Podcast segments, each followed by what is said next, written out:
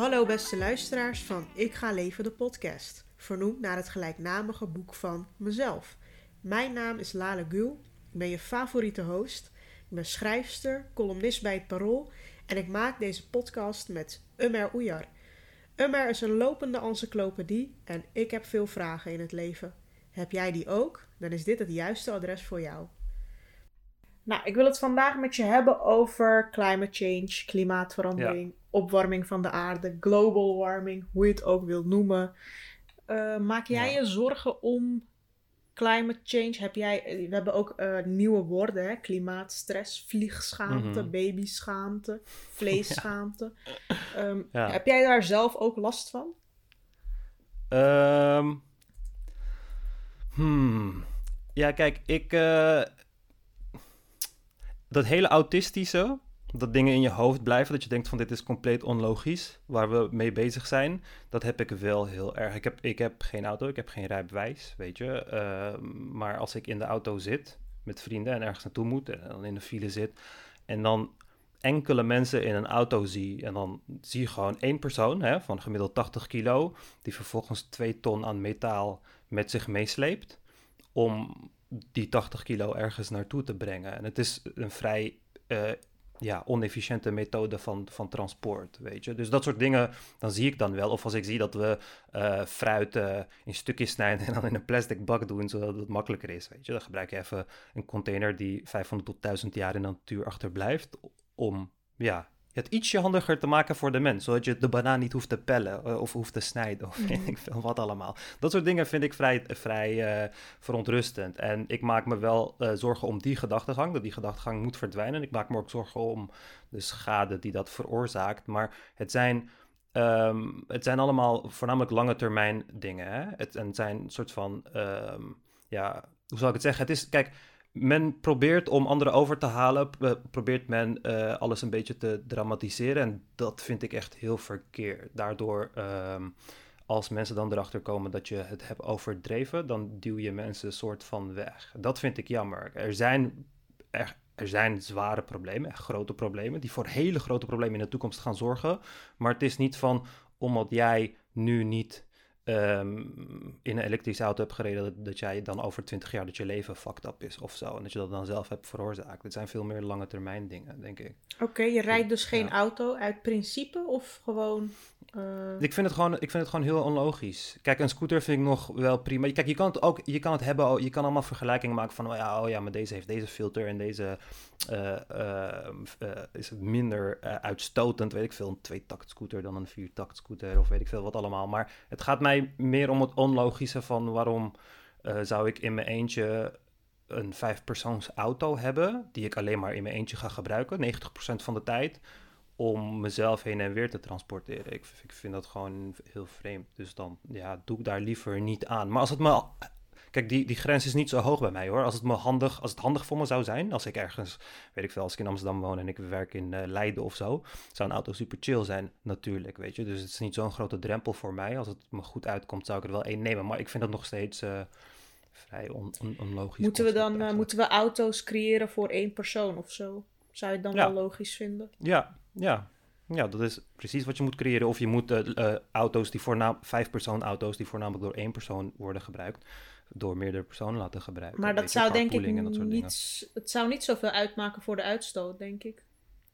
Nou, kijk, als je, als je vijf auto's hebt met allemaal één persoon, dan kun je die vijf van die vijf auto's één auto maken als alle vijf mensen in dezelfde auto zitten. En dat is met auto's heel moeilijk, want je hebt, dan verlies je een soort van je vrijheid. Hè?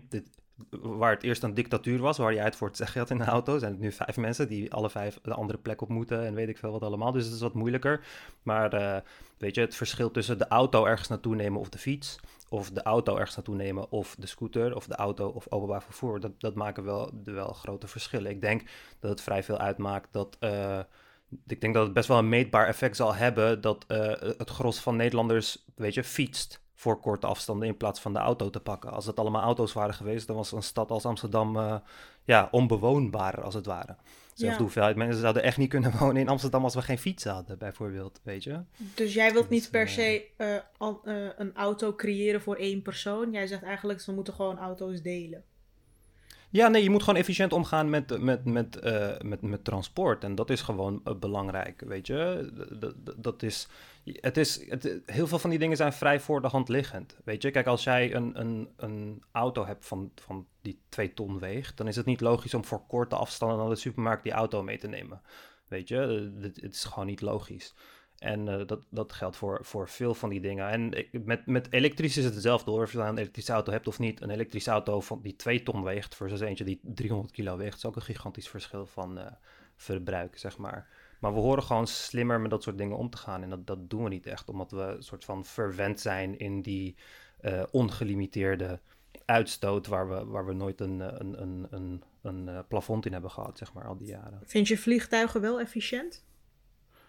Mm, nee, hoeft niet per se. Kijk, um, vliegtuigen kunnen je naar plekken brengen waar je op andere uh, methodes niet makkelijk kan komen. Ja, kijk, je kan ook een boot nemen naar Amerika, ben je wel twee maanden onderweg. Dat is een ander verhaal. Maar dingen zoals uh, als Europa bijvoorbeeld een enorm goed treinstelsel, uh, treininfrastructuur zou hebben, hè, met hoge snelheid treinen, dan zou dat al heel wat schelen voor, voor journeys binnen Europa. Want Europa is echt niet groot. Weet je, ik bedoel, van Nederland tot Turkije is ongeveer dezelfde grootte van Turkije. En in Turkije neem je ook gewoon de bus of de trein of whatever van uh, hot naar her. Dus uh, het is gewoon niet goed geregeld, weet je. Sporen die sluiten niet goed op elkaar aan en weet ik veel wat allemaal. En daardoor is het allemaal wat moeilijker. Maar als het een stuk beter geregeld was, ja, dan, dan zou dat heel, heel wat uitmaken, denk ik. En ja, treinen zijn in dat opzicht ook een stuk groener. Hè? De meeste treinen, ja, bijna alle treinen rijden gewoon op stroom. Dus die zijn heel makkelijk om te zetten in groene energie. Weet je, terwijl het met vliegtuigen wat moeilijker uh, gaat, zeg maar. Maar maakt dat allemaal wel snel genoeg veel verschil? Want uh, we zijn Nee, nee totaal niet. Er is, op dit moment niks, er is op dit moment niks wat wij kunnen... Kijk, de, kijk um, in, in de normale wereld is het zo het soort van... Oh, wordt het wel veroorzaakt door mensen? En kunnen we er wel iets aan doen? En weet ik veel wat allemaal. Terwijl in de wetenschap is het eigenlijk van... Um, het is al lang veel te laat... En alles wat je nu doet, is niet schade voorkomen, maar schade beperken.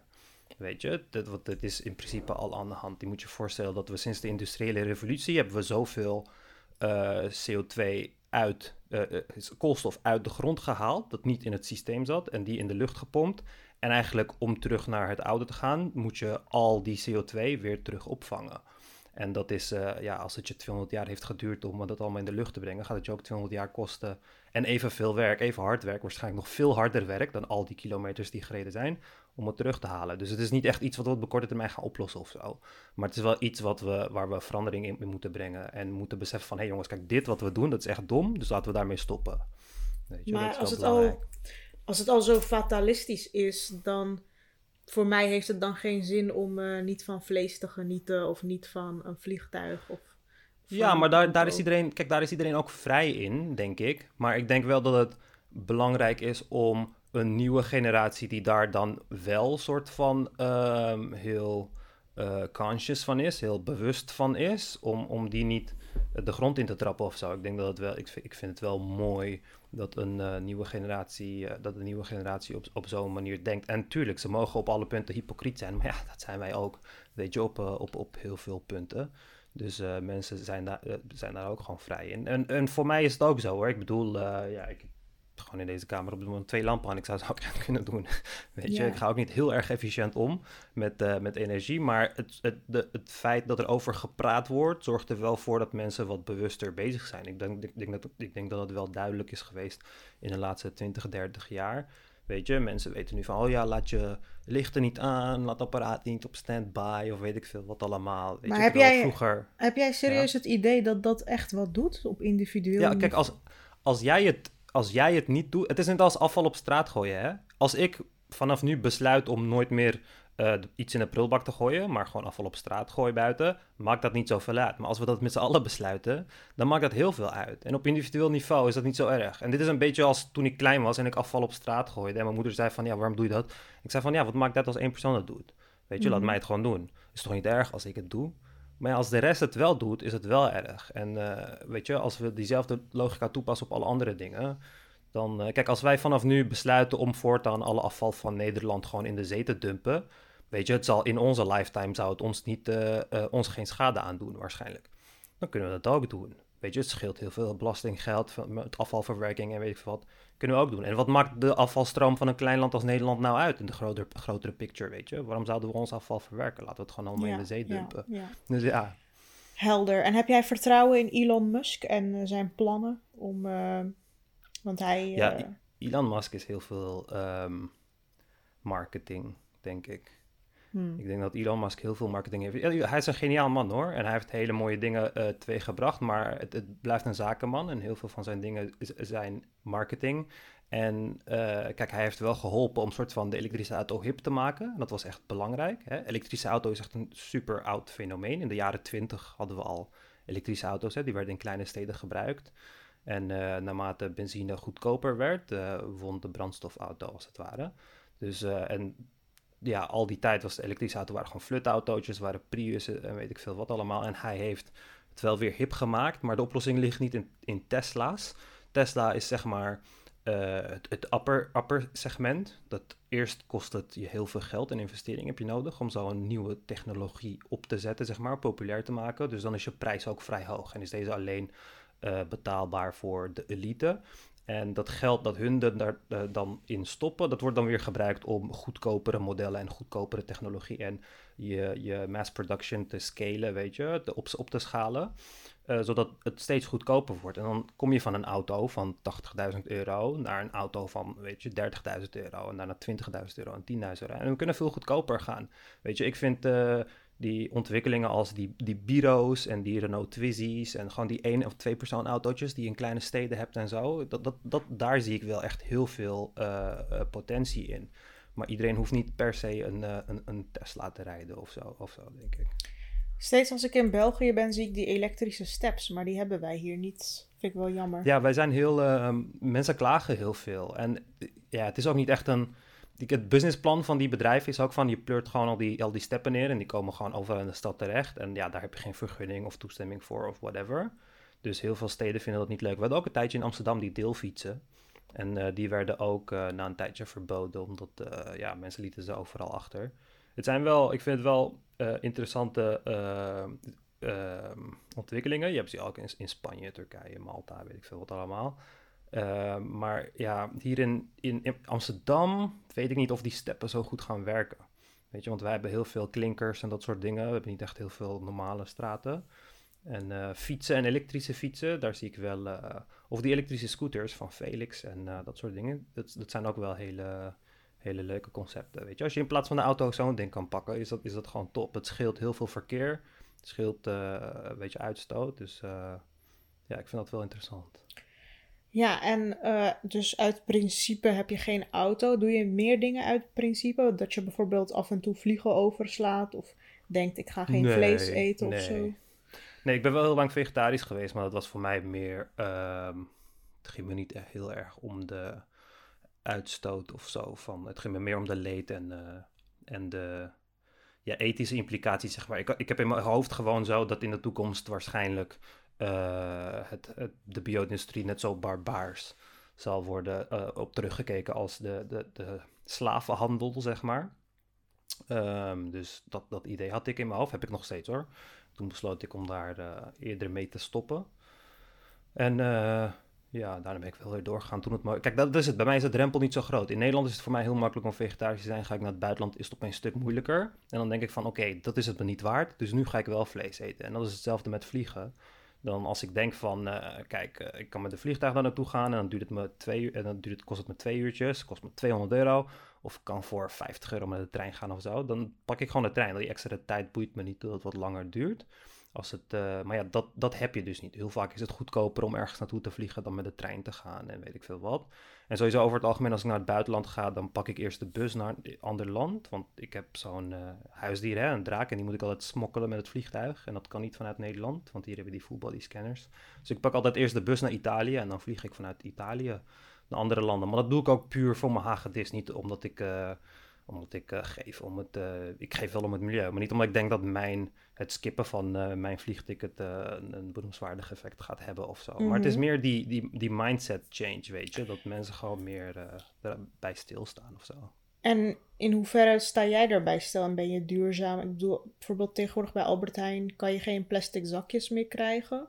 Je hebt van die katoenen tasjes waar je groenten in doet en zo. En Ja, eh, je kan nu tegenwoordig ook kleine flesjes voor statiegeld inleveren. Je kan ja. afval steeds meer scheiden, plastic en zo. Vroeger had je alleen papier Mhm. en glas. In hoeverre doe jij al die dingen? Eh, afvalscheiden doe ik niet. Eh, het hoeft bij ons in de wijk niet. Ehm ja, statiegeld terugbrengen, dat doe ik allemaal. Ehm, ja, plastic tasjes kopen, dat doe ik sowieso nooit. Maar ik doe al die dingen niet om... Ja, ik weet niet. Ik, ik doe ze niet met het milieu in, achter, achter, in mijn achterhoofd. Ik denk gewoon van... Ja, het is dom of zo. Weet je, als ik voorgesneden uien zie in een plastic verpakking... en ik zie een ui, dan denk ik gewoon dat die voorgesneden ui in een plastic verpakking... dat is een soort van embodiment van de westerse samenleving of zo, weet je? Ja, nee, maar dat is het, weet je? Je hebt gewoon een ui, je hoeft hem alleen te snijden. Je hoeft die ui letterlijk alleen te snijden. Maar in plaats daarvan, om het makkelijker te maken voor de mensen, weet je, versnippen we hem in de in de in de ja, maar je fabriek kan dat toch in wel. Je, je begrijpt het toch wel? Ik bedoel, dan hoef je het letterlijk alleen maar papiertje Ja, eraf en in de pan te pleuren. Ja, natuurlijk. Kijk, het is ook handig, maar om het in een plastic verpakking te doen is niet handig. Want als je bij plastic gewoon in je achterhoofd houdt van dit blijft 500 jaar, 500 tot 1000 jaar in de natuur, dan is het niet nodig om het, eh, dan is het niet, niet logisch om het te gebruiken Hoe voor je- dingen die je eenmalig gebruikt. Hoe moet je het dan verkopen? Ja, en dat is moeilijk. Je moet dus alternatieven vinden voor plastic. Kijk, toen plastic net was uitgevonden, was het een wondermiddel. Hè? Daarvoor het dichtstbijzijnde wat, wat op eh, plastic leek, was, het was bakkeliet. Hè? Dat waren die dingen waar die oude hoorntelefoons van gemaakt werden. Plastic werd uitgevonden, super goedkoop, super eh, durable, zeg maar. Het ging niet snel stuk.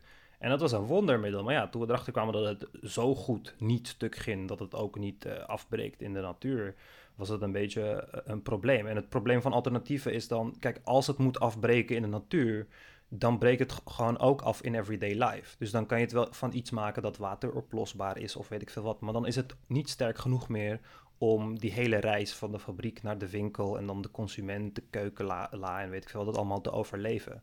Dus daar zoekt probeert men een soort van iets in te vinden, wat dan een happy medium is. Van, oké, laten we zeggen dat het 50 tot 100 jaar in de natuur blijft of zo. Dat zou veel beter zijn. Maar ja, dat, dat hebben we niet. En puur omdat het goedkoop is, gebruiken we het. En dat, dat, dat is het. In, in onze wereld, in deze wereld, is alles gebaseerd op prijs. En als het goedkoper is, boeit het verder niet of het de hele wereld kapot maakt. Als het maar een langzame afbraak is, een langzame eh, eh, schade eh, eh, toebrengt aan, aan de aarde. Niet, kijk, als het kanker zou veroorzaken, breng het gelijk van de markt af, weet je. Maar als het eh, de hele aarde verkankert, maar het duurt duizenden jaren, dan, eh, dan boeit, het, eh, boeit het wat minder, ja. Ja, Maar ik denk wel dat we daar dingen op vinden hoor. Dat mo- moeten we wel dingen op vinden. Maar tegelijkertijd moet de consument ook kiezen met zijn portemonnee. En als jij vindt dat het onlogisch is, dan moet je het gewoon niet kopen. Hoe, weet je? Maar tegelijkertijd ben je een vrij mens. Als jij denkt van, ja, weet je, het is voor mij gewoon handig voor die plastic. Het kan gewoon, het maakt niet uit. Kan je het ook gewoon doen. Ja en, en, en prima. wat vind je van die ideeën van bijvoorbeeld Partij van de Dieren die zegt er moet een vleestaks komen, vliegen moet alleen voor rijke mensen, eh autorijden zou niet voor iedereen moeten kunnen en eh, weet Ja. je, dat, dat het voor een kleinere groep wordt.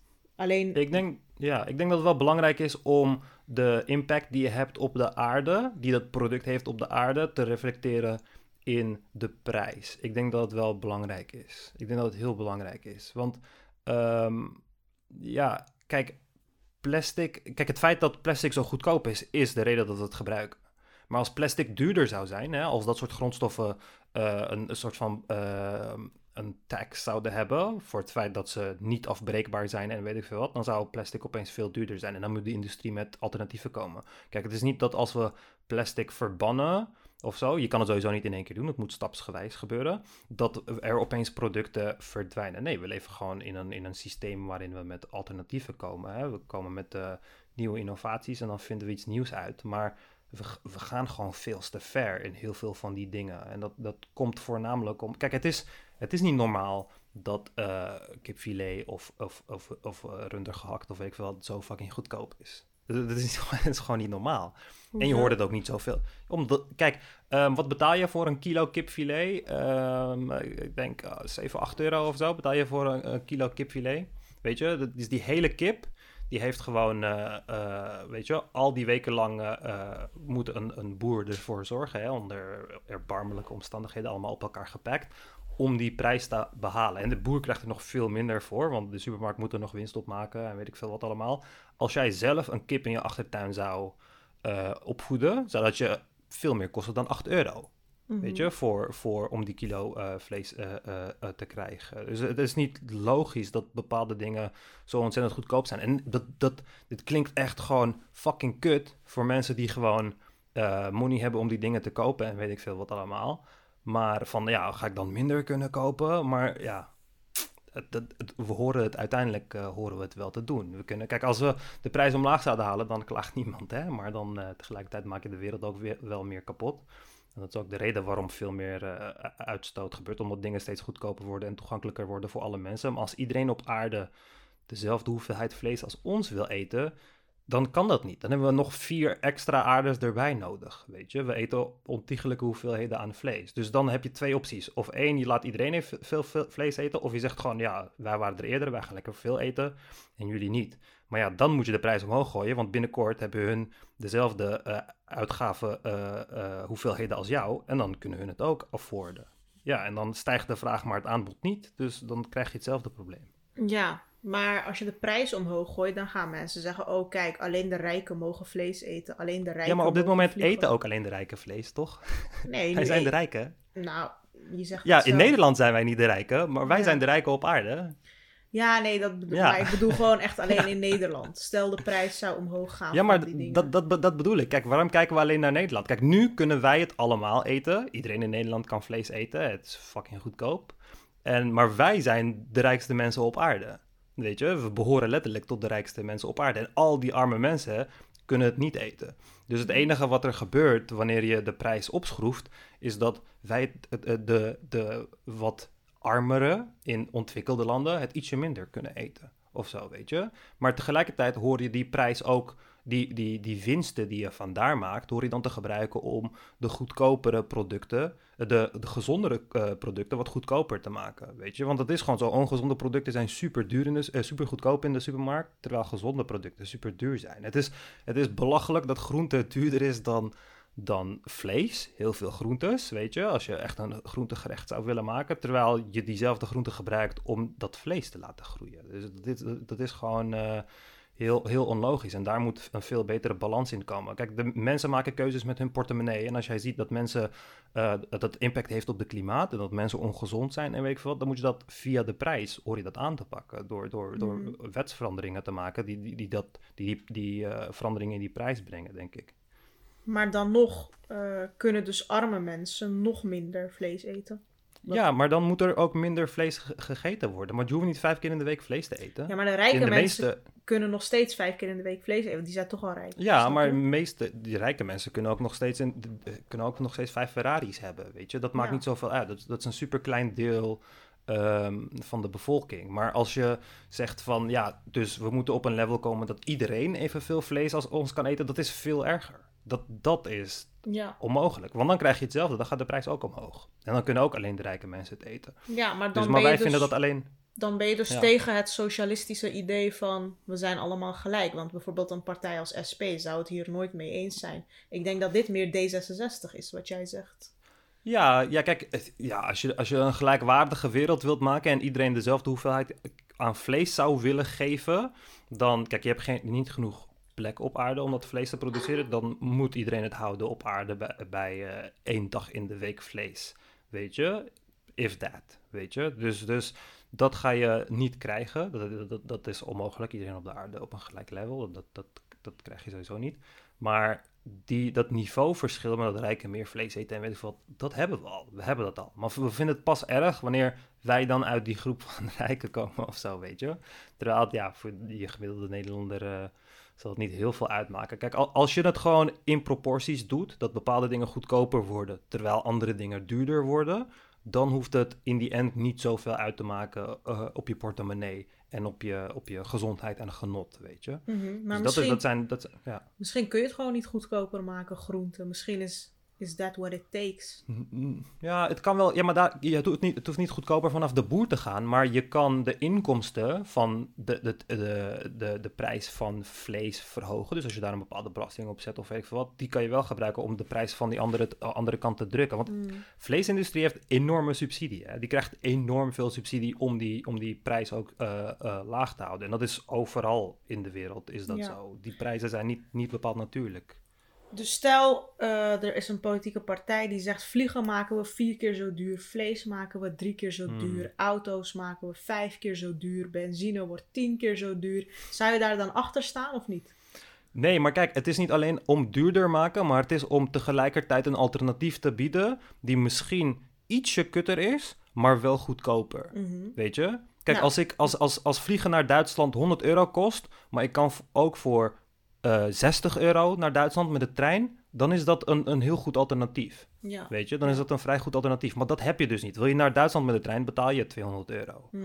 En de- de- door alleen de prijs omhoog te gooien, ga je mensen alleen boos krijgen. Maar door alternatieven te bieden die s- een stuk goedkoper zijn en misschien beter werken of ietsje slechter, dan kun je mensen nog eh, tegemoet komen in dat opzicht, denk ik. Ja, Maar, door we- alleen vlieg, ja, vliegen duurder te maken, weet ik niet.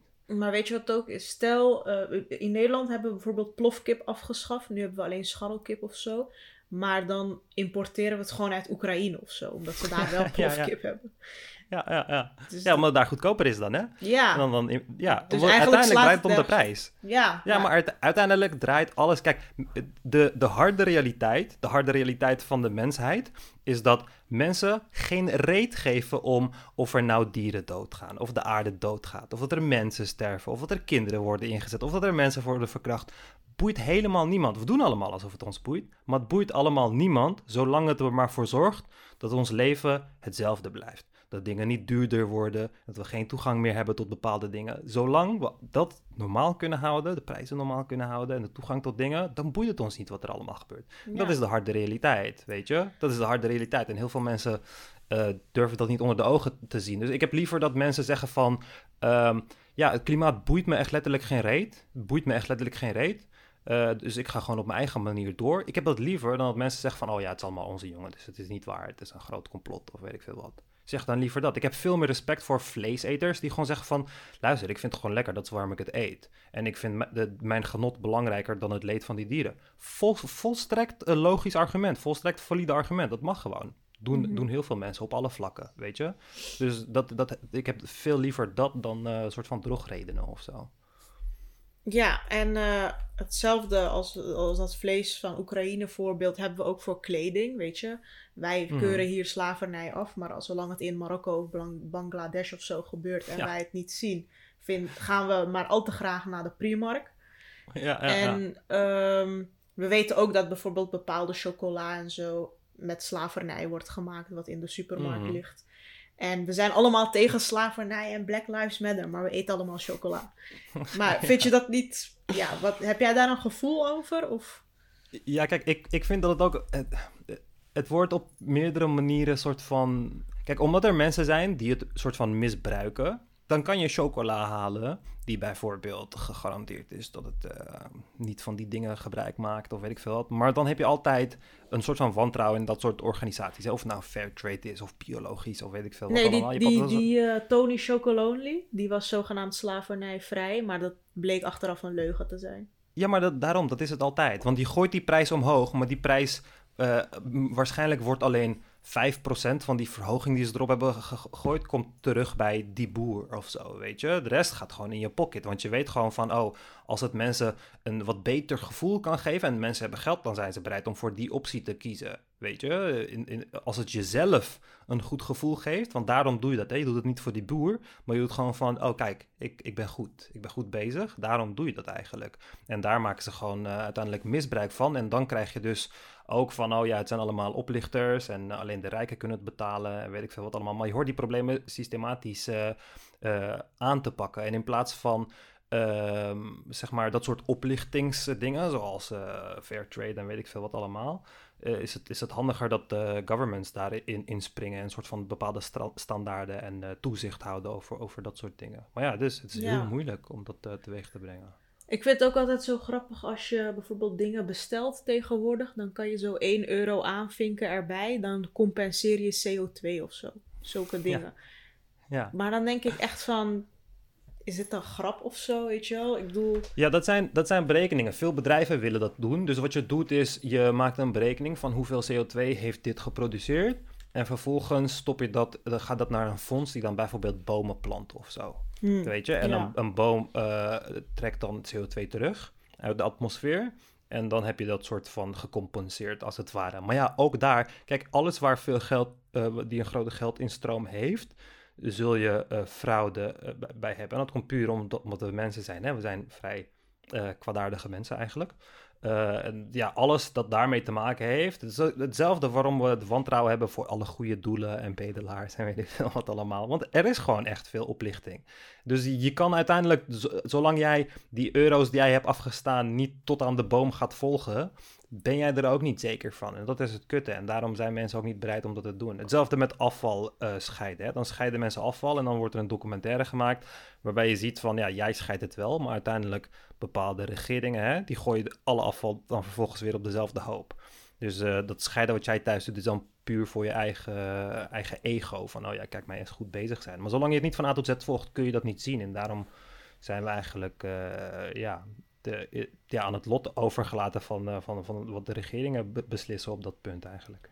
Ja, en zou jij een windmolen in je achtertuin willen? Want daar is eh, ook altijd ophef over. Want eh, de meeste mensen in Amsterdam stemmen GroenLinks. Maar als er dan windmolens komen eh, dicht bij hun huis, zeggen ze: Wat is dit? Ik kan niet slapen. Of mijn uitzicht is verpest. Of gaan ze zeuren, zeg maar, dat die windmolens weg moeten. Terwijl ze wel GroenLinks Ja. stemmen.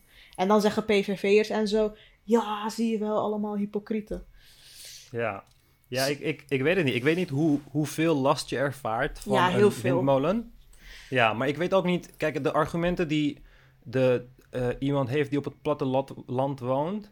versus iemand die in de stad is opgegroeid. Kijk, ik ken dat label op het platteland niet, hè. Dingen zoals, oh, mijn uitzicht is verpest. Van ja, welke uitzicht? Ik weet niet hoeveel uitzicht ik heb in Amsterdam.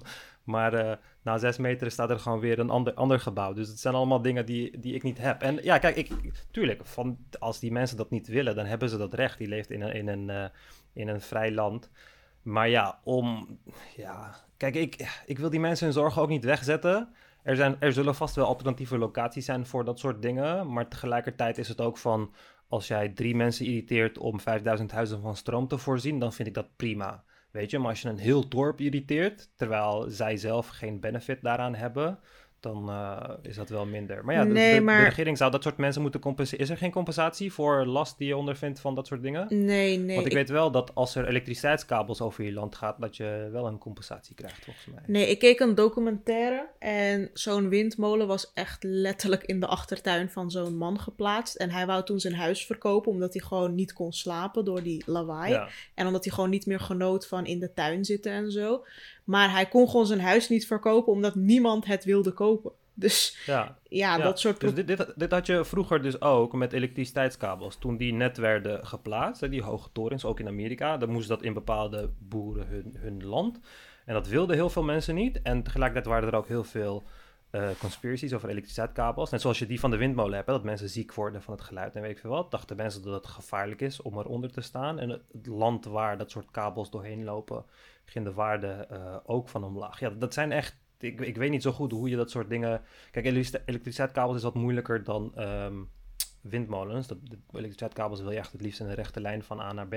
Windmolens kun je ergens anders plaatsen. En daarom denk ik dat soort van oplossingen ver van het land, zoals eh, de, de in de Noordzee, dat die eh, een veel betere oplossing zijn. Want ja, mensen gaan blijven klagen. En inderdaad, waarde van je land gaat omlaag.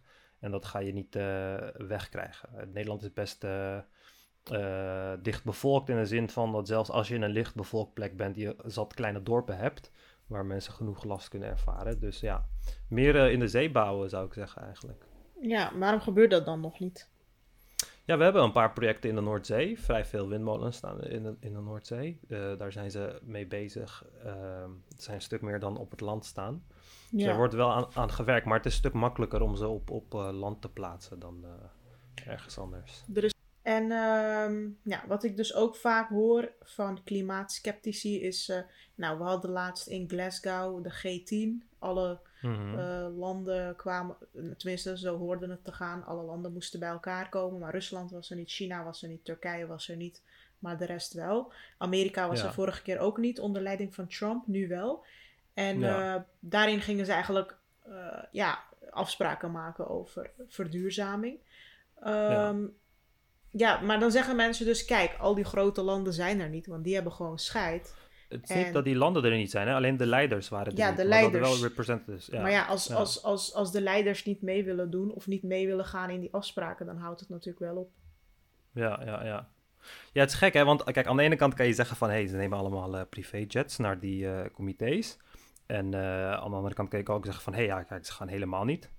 Terwijl, en ik zeg niet dat die presidenten dit denken, hoor. Dat denken ze totaal niet. Maar je zou ook kunnen zeggen van... hé, hey, jongens, ik kan het ook op afstand doen... of ik stuur gewoon een representative met een normaal vliegtuig... of weet ik veel wat, die me dan eh Maar hebben zij, hebben zij informatie ver- overleeft. vertegenwoordigers gestuurd? Dat heb ik niet meegekregen. Oh nee, er zijn wel eh, van, van elk land zijn er wel mensen. Kijk, van China en Amerika en Turkije waren er wel mensen aanwezig, maar niet de leiders. Zeg maar ik De heb zelf. begrepen dat die landen niet mee gaan doen. Eh, in- nee, de China en, afspraken. eh, nee, China en eh, Amerika hebben wel eh, afspraken gemaakt tijdens deze summit bijvoorbeeld. Maar de leiders zelf waren er niet bij. En daardoor had Biden ze een beetje eh, op het matje geroepen, zeg maar.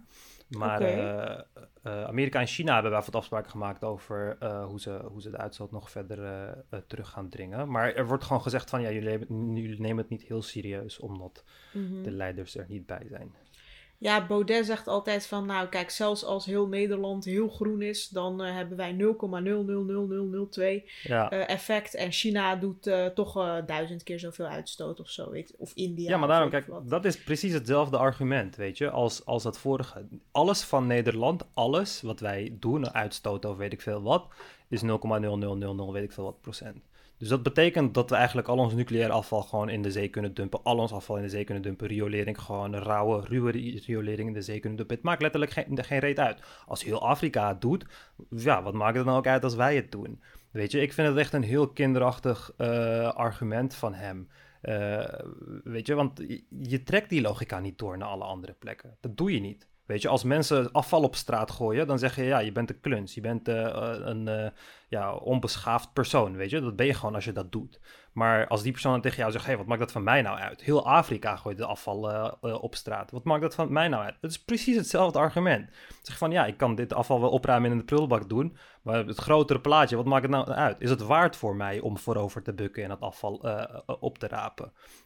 Dus je kan dat doortrekken naar alles. En ja, je ziet overduidelijk dat we dezelfde logica niet toepassen op alle andere onderwerpen. Dus ik, ik vind dat dan een hele, hele vreemde. Het is toch logisch? Je, je vindt jezelf toch een beschaafd land. Je gaat toch niet denken van, hé, hey, maar China doet het niet, dus dan gaan wij het ook niet doen. Weet je, dan kan je ook zeggen van, hé, hey, dit land geeft homo's geen geld, dan gaan wij het ook niet doen. Weet je, waarom kijk je naar een land waar je op neerkijkt qua, qua handelswijze en weet ik veel wat allemaal. En dan ga je dat als voorbeeld nemen van, hun doen het niet, dus wij gaan het ook niet doen. Terwijl China best wel veel inzet op dit moment op groene energie. Alleen, het zijn zulke grote eh, vervuilers dat het vrij lang gaat duren voordat die, die verder zijn. Weet je, kijk, wij hebben misschien is x aantal kolencentrales. China heeft er honderden. Weet je, dus eh, het is veel moeilijker voor grotere eh, landen om die overstap te maken. En het is ook logisch dat hun een groter effect hebben, maar dat betekent niet dat wij helemaal niks hoeven te doen. Of dat de kleinste landen het langst wachten van, oh ja, wij gaan nog even chillen. Laat jullie maar de grote verandering doen en dan sluiten wij wel achteraan. Nee, het is gewoon een gezamenlijke effort wat we moeten, wat we moeten eh, doen, zeg maar. Ja, ja. Nou, wat die mensen ook zeggen is, ja, er gaat zoveel geld, duizend miljard euro naar warmtepompen, zonnepanelen, windmolens. En uiteindelijk maakt het allemaal, het zorgt niet voor genoeg om de fossiele brandstoffen te vervangen. Het is maar een heel kleine fractie en daar betalen we veel te veel geld voor. Ja, ja we gaan dat, dat geld ervoor moeten betalen. We gaan die veranderingen moeten maken. En sommige veranderingen kunnen kosteffectiever zijn dan andere veranderingen. Maar uiteindelijk zijn veel van de investeringen die je doet, die eh, het zijn wel economisch verantwoorde ins- eh, investeringen. Zonnepanelen op je dak, eh, de waarde van je huis gaat omhoog. Binnen x aantal jaren heb je dat terugverdiend, weet je. En dat Mhm. geldt voor heel veel van die dingen. We hebben, weet je, het feit dat we huizen op gas hebben aangesloten destijds. Het, huis, het feit dat we huizen hebben- beter hebben geïsoleerd destijds. De- Al die dingen hebben heel veel gekost. Alles, alle grote infrastructuur changes hebben heel veel gekost. Weet je, het elektriciteitsnetwerk, het wegennetwerk, die dingen kosten allemaal heel veel. Maar uiteindelijk kom je wel op een punt waarbij je veel meer economisch voordeel uit die, uit die dingen haalt. Hè? En veel meer soort van independence uit die dingen haalt, omdat je niet meer uh, minder afhankelijk bent van uh, gaskranen uit andere landen of oliebevoorrading uit andere landen. En dat is alleen maar chill in mijn optiek, weet je. Als jouw huis totaal zelfvoorzienend is in uh, elektriciteit en warmte en weet ik veel wat, hoe is dat een, een soort van, ja, waarom is dat negatief? Ik begrijp dat het geld kost, maar we kunnen het ook niet gratis doen. We kunnen het ook niet voor goedkoop doen. Uh, en ja, hoe eerder je het doet, hoe beter het uh, op, de, op, de, op de lange termijn ook gaat zijn. En ja, kijk, je gaat mensen hebben die er gelijk in stappen. Net zoals mensen die 20 jaar geleden zonnepanelen namen. Mensen die nu zonnepanelen nemen. En nu is het, ja, 20 keer goedkoper dan 20 jaar geleden. Weet je, dus Ja. het is allemaal een stuk goedkoper. Dus het is gewoon dat we eerst langzaam beginnen. Eerst beginnen de rijken. Die pompen allemaal geld in die industrieën. Hè? Zonnepanelen, windmolens en weet ik veel wat. En dan wordt die technologie verbeterd, wordt goedkoper. En dan heeft de lagere klasse er toegang tot. En dat gaat dan steeds zo weer door. En daardoor kun je ervoor zorgen dat arme landen een technologie dan helemaal skippen. Weet je, bijvoorbeeld Afrika hebben ze nergens telefoonlijnen. Omdat ze de hele technologie van vaste telefonie hebben geskipt. En gelijk over zijn gegaan op mobiele telefonie. Dus door in plaats van die landen dezelfde evolutie te laten namaken als ons. Dus ja, begin maar met koolcentrales en olie en weet ik veel wat. Kun je ze gelijk laten starten met een nieuwere technologie. Maar dat kan alleen als je die prijs omlaag haalt. En dat kan alleen als de rijkste van de wereld, hè, dat zijn wij, daar alvast mee beginnen. Zodat, net zoals bij de telefoons, ze van 50.000 euro naar 50 euro gaan. Dat is heel belangrijk.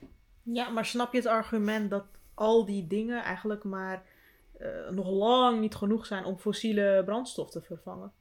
En Ja, maar je moet toch wel ergens beginnen. hè? Want Ja, wanneer. Maar er zijn ook dan.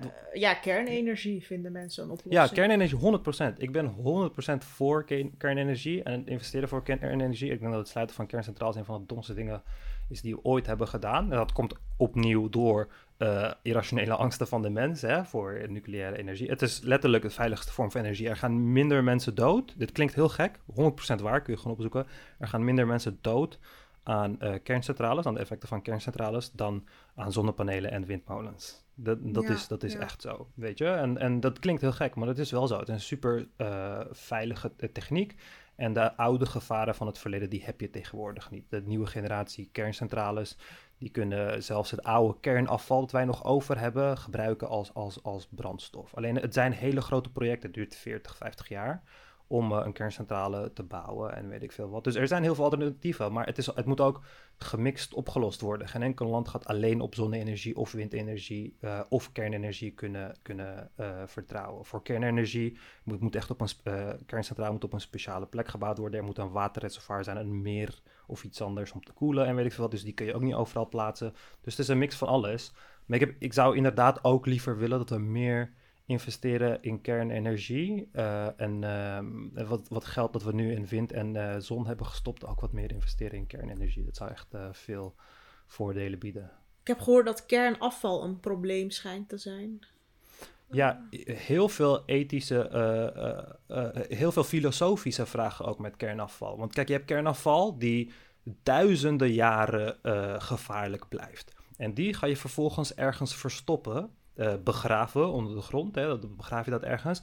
En dan moet je ervoor zorgen dat dat blijft duizenden jaren gevaarlijk. Als iemand het openmaakt, is het gewoon fucked up. En dan moet je ervoor zorgen dat je dat op zo'n manier markeert, of weet ik veel wat, dat de mensen die 5000 jaar in de toekomst leven, begrijpen van, hé, hey, dit moet je niet openmaken, weet je. Dus het is een hele lange termijn, eh, eh, ja, soort van bom die je ergens eh, neerzet. Dan een soort van Pandora's box die je ergens neerzet. En je moet ervoor zorgen dat niemand het openmaakt. Maar tegelijkertijd kun je dus wel... Kijk, het feit dat die nucleaire afval nog steeds heel radioactief is... laat zien dat er nog vrij veel energie in zit. En met de nieuwere technologieën kun je die energie er wel uithalen. Dus ik denk niet dat het feit dat het 5000 jaar, 10.000 jaar radioactief blijft... wil niet zeggen dat...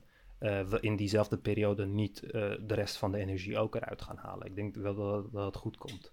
Maar vergeleken met de rest van de dingen, CO2-uitstoot, fijnstofuitstoot en weet ik veel wat, is, heeft echt letterlijk niemand last van nucleaire afval. Terwijl heel veel mensen last hebben van eh, fijnstof en CO2 en al die andere dingen. Wat mensen ook niet begrijpen is biomassa. Frans Timmermans zegt we moeten massaal biomassa ja. hè, in plaats van fossiele brandstof. Dat houdt in dat je hele oerwouden en bossen kapt en die bomen mm verbrandt en daar energie uit opwekt. Ja, ja. voor heel veel mensen is het helemaal niet logisch om bomen te kappen. Ja, kijk, je hebt, uh, dit is heel belangrijk om te weten bij klimaatverandering. Je hebt iets wat de, de carbon cycle heet. En de carbon cycle is eigenlijk koolstof dat van de lucht terug naar dieren en planten gaat en dan weer naar de lucht. Dat is een soort van cyclus. Hè? Dus uh, planten halen CO2 uit de lucht. Die C, die behouden ze. De O2, die geven ze in de lucht als zuurstof. En van die C maken ze plantenmassa of hout. Wij eten die plantenmassa of verbranden het hout. En het rook van de hout wordt weer CO2. Die koolstof gaat weer verbinden met de zuurstof. Of wij ademen CO2 uit. Dus dit is dezelfde cyclus. Dus als je, laten we zeggen, ik noem het gewoon een random getal hoor. Als je 1000 uh, eh, carbon in de lucht hebt, dan gaat die 1000 carbon, dat is de hele tijd een cyclus. En het, het totaalplaatje blijft 1000. Het is een gesloten systeem. Maar wanneer jij vervolgens meer koolstof, meer carbon uit de grond haalt, van miljoenen, miljarden jaren geleden, dan uh, pomp je nieuw, CO, uh, nieuw carbon uh, pomp je in een gesloten systeem. Dus waar je eerst alleen maar 1000 had die in een cyclus ging, heb je nu opeens 2000, 3000 die in een cyclus gaat. Maar dezelfde hoeveelheid koolstof kan niet opgenomen worden uh, kan niet meer opgenomen worden, want het is, het is te veel. Hè? De, de balans is, is, is verstrooid. En met bomen heb je dat probleem niet, want de boom die je verbrandt, dat is CO2 die je uit de cyclus, dat is, die behoort tot de cyclus, want hij heeft de CO2 uit de lucht gehaald. Die koolstof zat al in ons systeem. Maar wanneer je het uit de grond haalt, dan voeg je meer toe aan het systeem. En daar ligt het probleem. Met biomassa, wat je doet, is als je x aantal bomen hebt gekapt en verbrand, dan hoor je ook x aantal bomen te planten.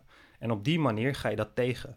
Maar als je dat met olie wilt doen, dan hoor je voor elke ton olie die je uit de grond haalt, hoor je ook weer een ton olie terug te pompen in de grond. Maar dat, dat kunnen we dus niet doen. Die CO2 moeten we weer halen uit de grond. En dat betekent dat je dan voor elke ton olie zoveel duizend bomen moet planten. En ja, zoveel plek hebben we ook niet op aarde. Dus dat is veel moeilijker. Dus het gaat echt over een gesloten systeem met een vast aantal, vergeleken met extra koolstof toevoegen aan dat, aan dat gesloten aantal. Daar ligt het probleem uh, voornamelijk. Maar biomassa is net zo slecht als er geen nieuwe bomen voor in de plaats komen. Dus dat is wel heel belangrijk in, uh, in dat aspect. Oké. Ik wilde je ook nog vragen, we hebben president Trump gehad, die zei climate change bestaat niet. Allemaal bullshit. En eh, we gaan er gewoon ook niks aan doen. Nou, nu hebben we Biden, maar misschien komt na Biden weer Trump of weer iemand als Trump. Ehm, en dan heb je weer die klimaatontkenners en zo die, uh, die daarin meegaan. Hoe kunnen wij ervoor zorgen dat, ja, dat er een soort mondiale grondwet komt of zo? Wat gewoon een soort recht, want we hebben eigenlijk al een grondwet die zegt we hebben recht op gezond leven. Um, Dus eigenlijk zou dat ook in een soort wereldwijde grondwet moeten komen, waar, waar alle wereldleiders zich aan gebonden moeten voelen of zo. Ja, um, Alleen dat, dat, dat concept hebben wij natuurlijk nog niet.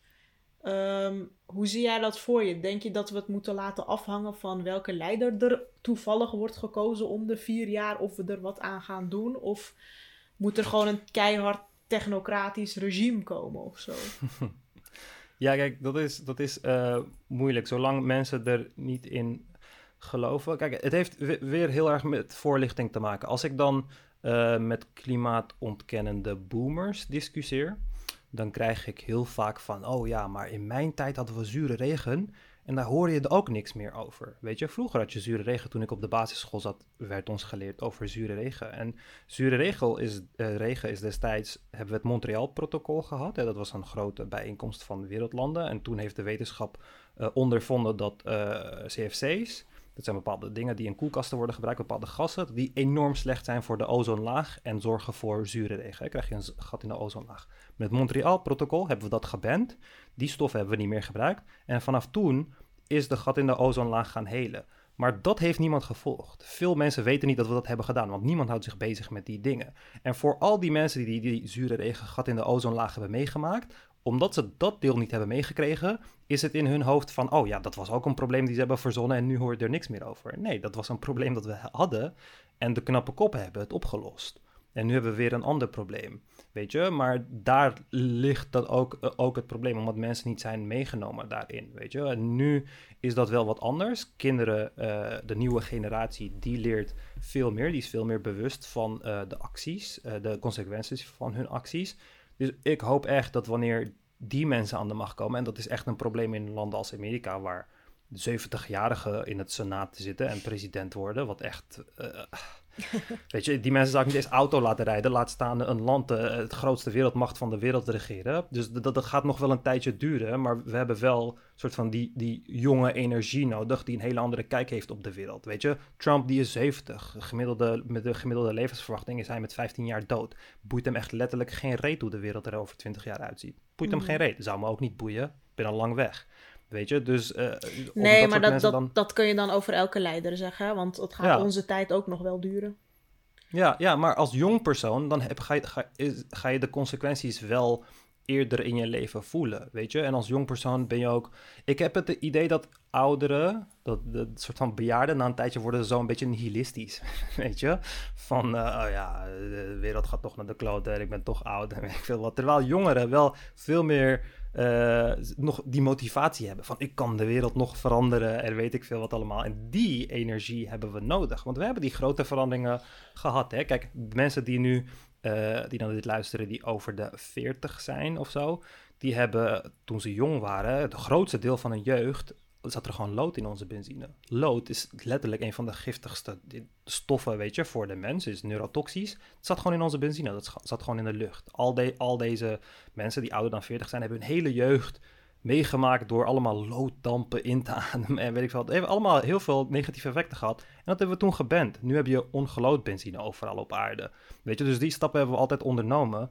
En ja, zolang de, als, het, als de mens uh, de, de verandering niet echt kan merken, zeg maar, als je goede alternatieven kan vinden, dan valt het reuze mee. Dan maakt het niet uit. Als je alternatieven voor CFC's kan vinden, maakt het niet uit. Als je in plaats van geloodde benzine ongeloodde benzine kan maken, maakt het niet uit. Maar als het onmogelijk was om de lood in de, uit de benzine te halen zonder geen benzine te hoeven gebruiken, dan waren we er niet mee gestopt. En dat is belangrijk. Door, door technologische ontwikkeling moeten we echt alternatieven vinden die ja, geen, niet de grote verandering eisen van mensen. Want daar houden mensen niet van, weet je, van die, van die verandering. En ik weet niet of wereldleiders daar, daar iets aan gaan doen. Ik denk dat het meer uit de wetenschap gaat komen.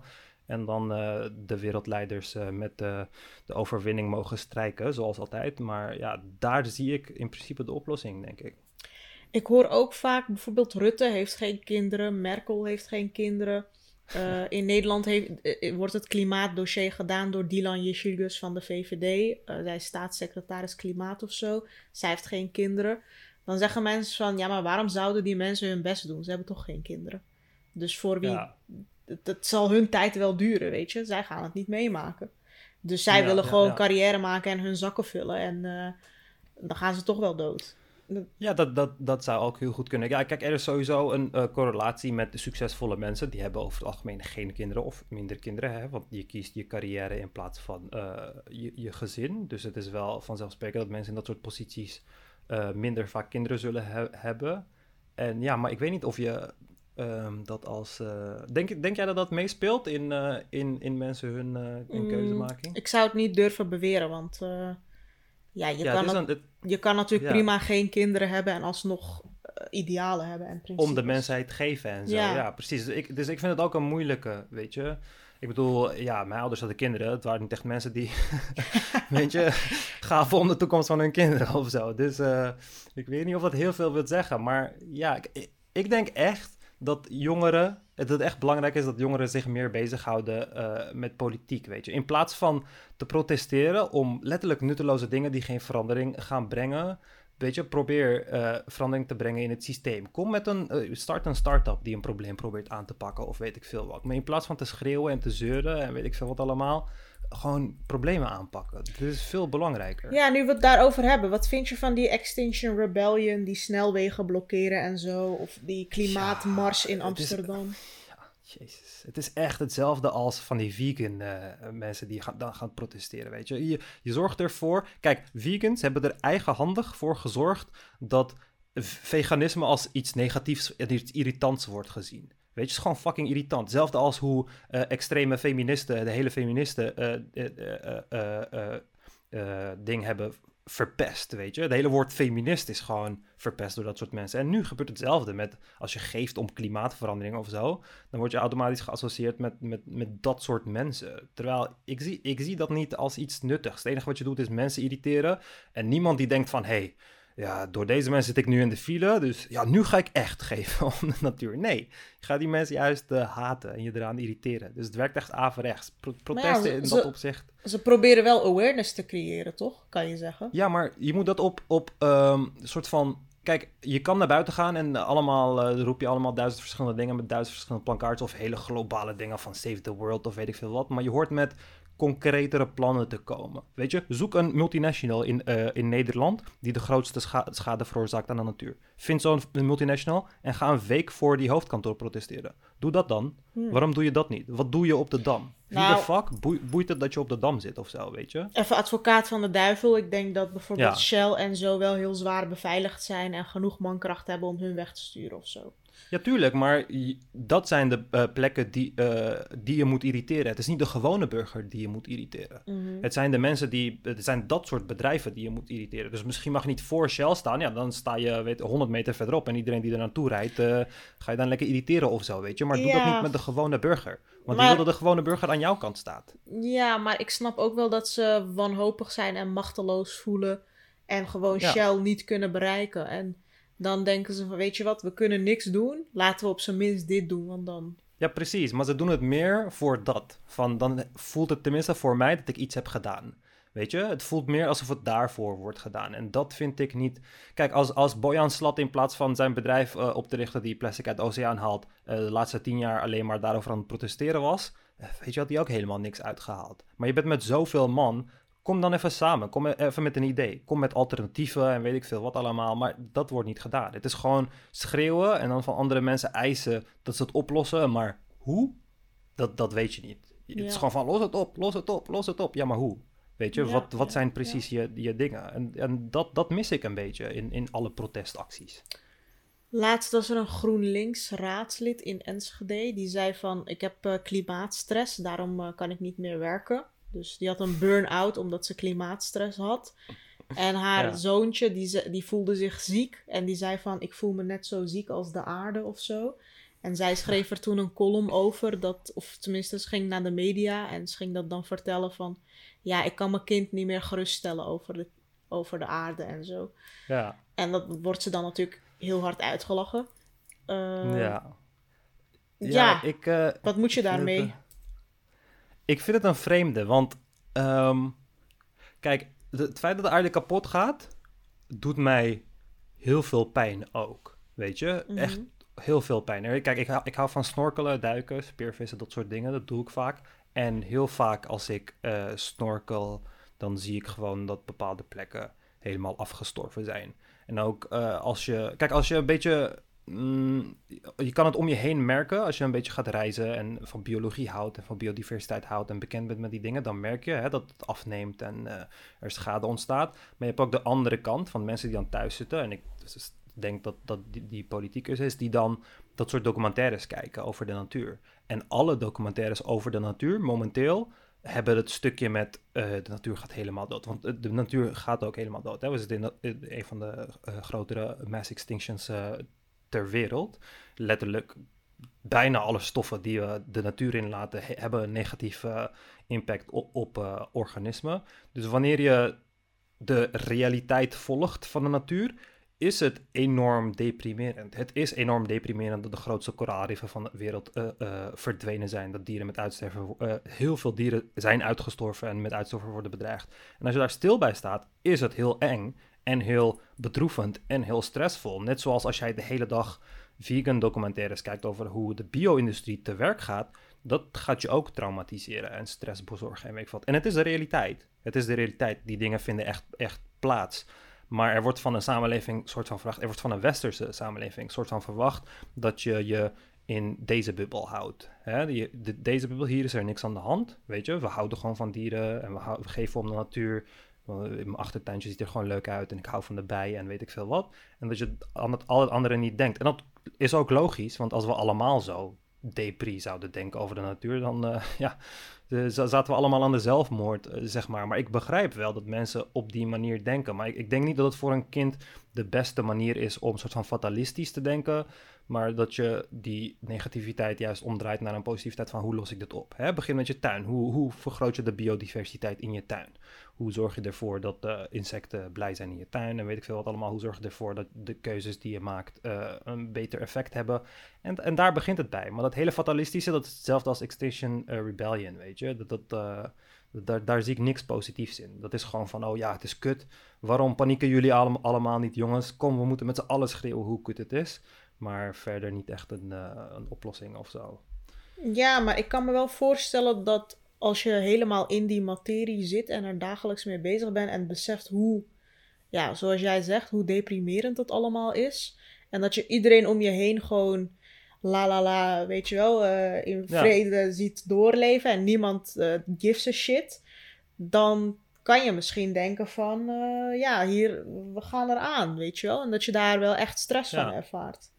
Ja, en je keert je ook tegen de samenleving. Je denkt, ja, jullie zijn allemaal gekken. Het feit dat jullie dit niet al. En ja, dat heb je bij allemaal, hè? Dus veganisme en weet ik veel wat allemaal. Dat heb je gewoon bij allemaal. Het is gewoon uh, van ik, I'm freaking the fuck out. Why aren't you all freaking the fuck out? Weet je, zijn jullie helemaal gek geworden en weet ik veel wat. En dan, ja, dat kan ook die verdere kant op gaan, hè? Want je hebt ook klimaatextremisten, milieu-extremisten en weet ik veel wat. Uh, dus, dus die bestaan ook nog. Dus het is net zo een, eh, een, een, een denkwijze, weet je. Mhm. Dus uh, ja. Het is, het is ook een beetje met moslims zo. Hè? Van, oh ja, al die moslimbroeders in Syrië worden afge, afgeslacht... en jullie, al jullie moslims hier in Nederland doen helemaal niks. en het is een beetje, een beetje die uh, denkwijze ook.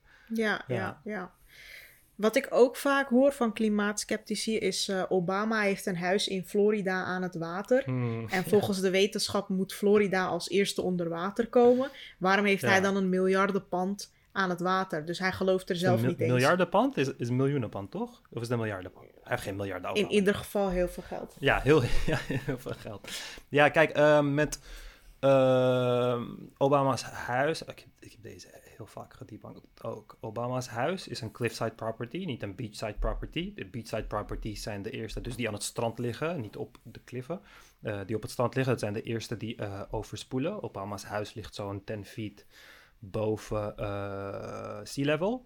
Maar tegelijkertijd boeit het echt letterlijk helemaal geen reet waar je je huis koopt.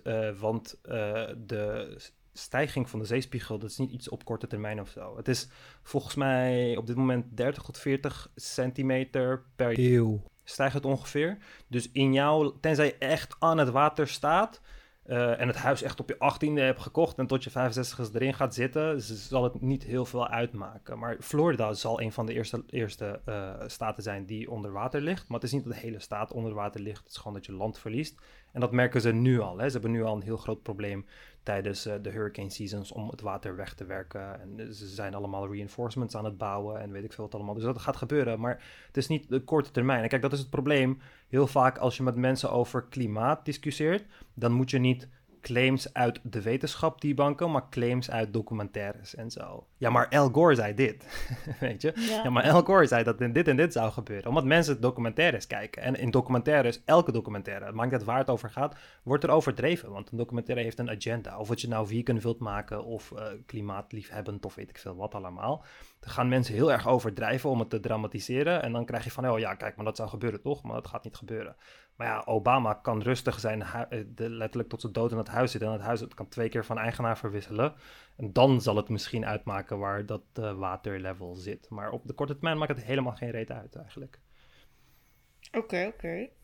Ik hoorde Wilders een keer tegen Kaag zeggen van... Ja, je hebt je mond vol over dit en dat. Maar jij hebt vier kinderen en ik heb nul kinderen. Dus ja. uh, wie is er nou hier duurzamer? Of wie heeft er nou ja, een ik... kleine ecolo ecologische voetafdruk? Of, uh, ja, dat? ja ik, denk, ik denk dat dat. Uh, ik denk dat je daar niks uithaalt door andere mensen. Kijk, dat is hetzelfde als je als vegan veel beter voelen dan niet-vegans. Of als iemand die niet veel vliegt, je veel beter voelt. Maar zit er niet ergens een vliegt. kern van waarheid in? Dat, dat, dat um, je meedraagt aan overbevolking bijvoorbeeld? Ja, kijk, kijk 100%. Maar je neemt maar één factor mee. Hè? Je neemt letterlijk maar, maar één, één factor mee. En dat is of je kinderen hebt of niet. En die keuze van of je kinderen hebt. Sowieso vind ik overpopulatie vind ik niet echt heel erg belangrijk voor ehm, de toekomst van de wereld, zeg maar. Zolang je er maar voor zorgt dat kinderen die erbij komen een soort van bijdrage leveren. Hè? Hoe meer mensen er kunnen. Kijk, de reden dat technologische vooruitgang steeds sneller komt, wordt niet op, is niet omdat wij veel beter of slimmer worden, maar omdat we met meer mensen zijn. Je hebt meer mensen die werken aan problemen. Dus als jij ervoor zorgt dat uh, je meer mensen hebt, maar veel meer mensen ook werken aan problemen, dan kan dat alleen maar uh, voordelen uh, bieden. In plaats van dat je zegt van, nou ja, we, laten geen, we, we, maken geen kinderen meer. En terwijl er in Afrika en weet ik veel wat allemaal meer kinderen worden gemaakt. En als je die dan niet goed opvoedt of opvangt, of een goed leven bieden, tot een goed mens laat groeien, dan werkt, is het juist negatief dat jij geen kind hebt heb gemaakt, weet je. Dus om het alleen van die punt te bekijken, weet ik niet. En om alleen kinderen te vergelijken met geen kinderen, het is een multifactoriaal issue. Dus je kan niet alleen naar naar kinderen kijken. Weet je, ja, maar ook, ja. ik heb wel gehoord dat overbevolking de grootste reden is van klimaatverandering of zo. Of tenminste, als we met veel minder zouden zijn, dan zou het al heel veel schelen. Ja, maar of, of je verandert de, de, de, de technologie. Weet je, het, het is hetzelfde als um, Amsterdam in 1600, dat je zegt van ja, we kunnen zoveel mensen supporten dan verander je de technologie. Als je, als je voornaamste redenen zijn, mensen eh, meer elektriciteit heb je nodig, oké, dat fix je. Je hebt meer voedsel nodig, oké, dat fix je. Weet je, je hebt meer transport nodig, dat fix je. Het zijn allemaal dingen die we technologisch moeten oplossen. Want er is geen manier. Kijk, de enige manier om. Uh, de enige legale en ethische manier om uh, wereldpopulatie te stabiliseren of te verminderen is educatie. Hè? En voornamelijk van vrouwen. Hoe uh, hoe more educated vrouwen zijn, des te minder kinderen ze, ze maken en des te minder uh, ze zichzelf als babyfabriekjes ziet. Dat zie je terug in alle, alle landen, zeg maar. Afrikaanse landen beginnen ook langzaam steeds een lagere uh, birth rate te, te, te, krijgen. Dus dat is eigenlijk je enige manier om dat op te lossen. En dat ga je op die manier moeten oplossen. En tegelijkertijd ga je dan ook de mensen krijgen die gaan moeten werken om die technologie op te vullen. Maar we gaan geen mensen kunnen doden of mensen uh, geforceerd uh, steriliseren of weet ik veel wat, weet je. Dat zijn vrij... Ik hoor heel uh, vaak, doe gewoon de pil in het drinkwater in Afrika. ja. ja, los van dat de meeste plekken waar mensen ehm, heel veel kinderen maken, ze niet makkelijk toegang hebben tot drinkwater. dat dat ook de reden is dat ze veel kinderen maken.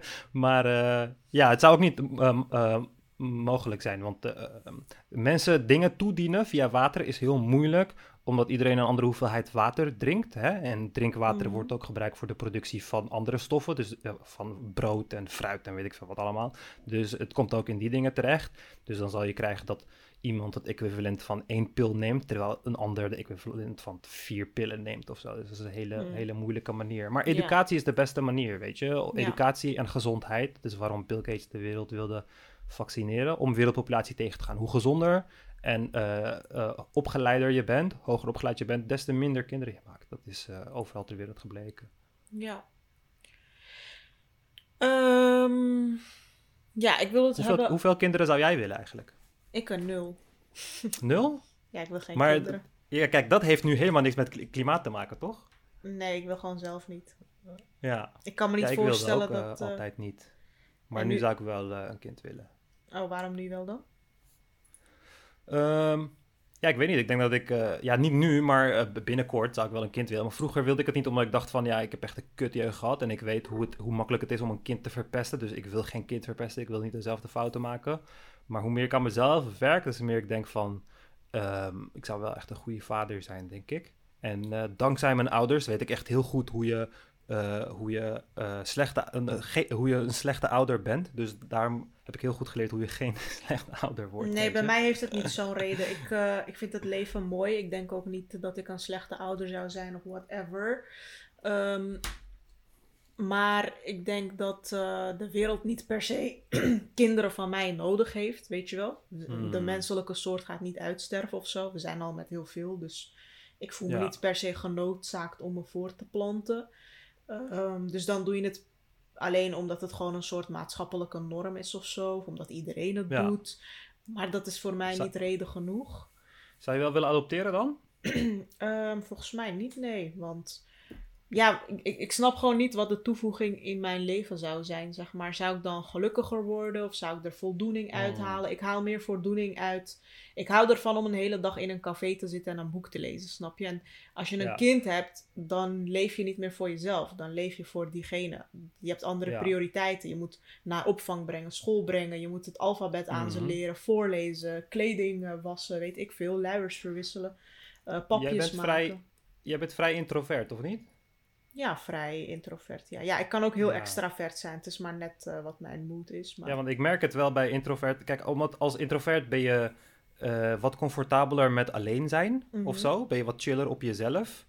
En dat soort mensen hebben wat minder behoefte aan kinderen of zo, weet je. Omdat ze wat vrij, eh, veel individualistischer zijn dan andere mensen. Andere mensen hebben echt anderen om hun heen nodig om ja. gelukkig te zijn en weet ik veel wat. Terwijl introverten vaak wel eh, goed op zichzelf zijn. En dat komt voornamelijk ook omdat ze zo zijn opgegroeid en zo, weet je. Ja, ik denk dat ik op mezelf echt prima mezelf kan vermaken en zo. En ik zie daarom Ja, de toevoeg- toegevoegde waarde niet. Ja, extraverts kunnen dat echt totaal niet. Ja, Dus dat merk ik wel eh, bij mijn vrienden. Dus misschien dat het er iets mee te maken heeft. Oké. Ja, ik wilde het hebben over BBB eh, van eh, Caroline. Zij begint nu heel erg te stijgen in de peilingen. De boerenburgerbeweging. Eh, Nog nooit van gehoord. Hè, volg jij de politiek niet? nee. Ja, ik, ik volg het nieuws, maar ja, ik heb echt... Ik, ik hou niet van politiek. Nou, ik eh, hou van wetenschap. Ik geef je een kleine samenvatting. Volgens mij één of twee jaar geleden hadden we een enorm boerenprotest. Omdat we wegens de stikstofcrisis. eh, ja, en ook eh, vanwege klimaatverandering en zo. wilden partijen als GroenLinks en D66 landbouw. wilden ze veel kleiner maken. En ja, gewoon boeren omscholen. En ja, hun boer zijn afpakken eigenlijk. En Ja. toen gingen ze massaal met tractoren en zo eh, protesteren. Jesse Klaver kreeg een doodskist. En eh, dat soort taferelen. En ze waren super boos. En nu hebben ze een eigen partij, de Boerenburgerbeweging. En eh, ja, ze komen eigenlijk op voor de boeren. Want eh, de boeren die verdienen heel weinig. En ze worden ook nog eens de hele dag ja, uitgekotst door de politiek. En ze moeten ook nog eigenlijk opdonderen. Want Nederland wil steeds meer van landbouw naar dienstensector, zeg maar. En steeds Ja. meer importeren in plaats van zelf voorzienend zijn. En daar staan de boeren niet achter, want die zijn al generatie op generatie boer. En die zeggen ook van, Mhm. stel we hebben een crisis of een oorlog. Ja, het is toch handig als we zelf voorzienend zijn. Eh, Ja, dus, ja ik, eh, ik ben het daarmee eens. Ik denk dat het vrij belangrijk is. Eh, dingen lokaal produceren is uiteindelijk ook beter voor, voor het milieu. Hè? Maar kijk, dat, dat stikstofprobleem, dat heb je over de hele wereld. Ehm, en dat komt dan allemaal in de bodem en in de zee terecht, in het water en weet ik veel wat allemaal. En dat zorgt voor allemaal, allemaal problematiek. En dat komt voornamelijk door eh, die, die bemesting, hè? Eh, waar we gewoon vrij veel gebruik van maken. En 50% van de stikstof die dan wordt uitgestoten is de landbouw, dus die worden het meest aangepakt. Maar ik begrijp eh, de politiek dat ze dat probleem willen aanpakken, maar ja, ik, ik ben veel meer van de technologie. Ik ben veel meer van problemen oplossen door middel van ehm, technologie. Alleen het probleem is dat het allemaal vrij lang gaat duren. Kijk, we kunnen. eh, we hebben in Nederland eh, Wageningen Universiteit. Hè, staat aan de wereldtop eh, qua plantengenetica. En planten hebben stikstof nodig om te groeien. En dat halen ze uit de bodem. Maar eh 80% van onze atmosfeer, van de lucht, is gewoon stikstof. Dat, dat, ademen, dat ademen we gewoon in. Weet je, dat gebruiken we niet. Dat is gewoon inert in het, in het menselijk lichaam. Maar planten kunnen dat niet halen uit, uit de lucht. Dat eh, kunnen ze alleen uit de bodem halen. Maar je kan door middel van eh, eh, manipulatie, hè, sommige planten kunnen dat bijvoorbeeld wel. En door middel van genetische manipulatie kun je planten creëren die dan stikstof uit de lucht kunnen halen in plaats van uit de grond. En kijk, dat zou echt een topprobleem zijn. Dan gebruik je de natuur om dat probleem op te lossen. Eh, geef je de plant een soort van upgrades, wat we al doen met letterlijk alle planten die je in de supermarkt kan krijgen. Dus op die manier zou je dat kunnen oplossen door beide partijen een soort van blij te maken. Maar dat zijn opnieuw echt projecten van 20, 25, 30 jaar.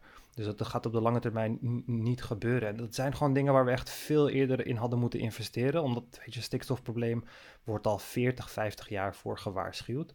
Maar dan wordt er helemaal geen reet gedaan. En uiteindelijk, weet je, dan besluit je wel iets te doen. En dan moet je gelijk het allermoeilijkste doen. Omdat je van tevoren niet de juiste keuzes hebt gemaakt. Dus ik begrijp de boeren enorm in dat opzicht. Ik ben uh, als Nederlander altijd enorm jaloers geweest op boeren. Boeren zijn een soort van de echte Nederlanders. Ze hebben een soort van de echte vrijheid, je eigen stuk land, je, uh, echt, echte vrijheid en zo, weet je. Terwijl als je in een grote stad woont, als ik geen uh, sleutelen aan mijn scooter, moest ik het op een stoep doen en dan krijg ik een boete omdat je niet mag sleutelen op straat, weet je. je eigen land is onmogelijk in Amsterdam. En boeren hebben dat, dat veel meer. Het zijn ook de hardere werkers uh, van, van het land. Dus ik begrijp hun problematiek. Het, het is een leven die ze niet, niet kwijt willen. Maar uh, ja, ik zie niet. Ik, ik, ik, het is heel moeilijk om nu een oplossing te vinden waarbij de partijen een soort van, soort van blijf van gaan worden. Weet je, dat is ja, gewoon de consequentie van te laat handelen, denk ik. Ja, ja.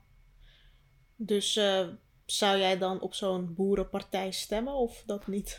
nee, nee. Ja, ik, ik, ik, ik gun het ze van harte, maar in, kijk, mijn wereldbeeld is compleet anders dan dat van een boer. Ik ben sowieso jaloers op hun, zoals ik al zei, op hun levenswijze, maar hun levenswijze is vrij. Uh, ik ga heel veel boeren boos maken, vrij luxe.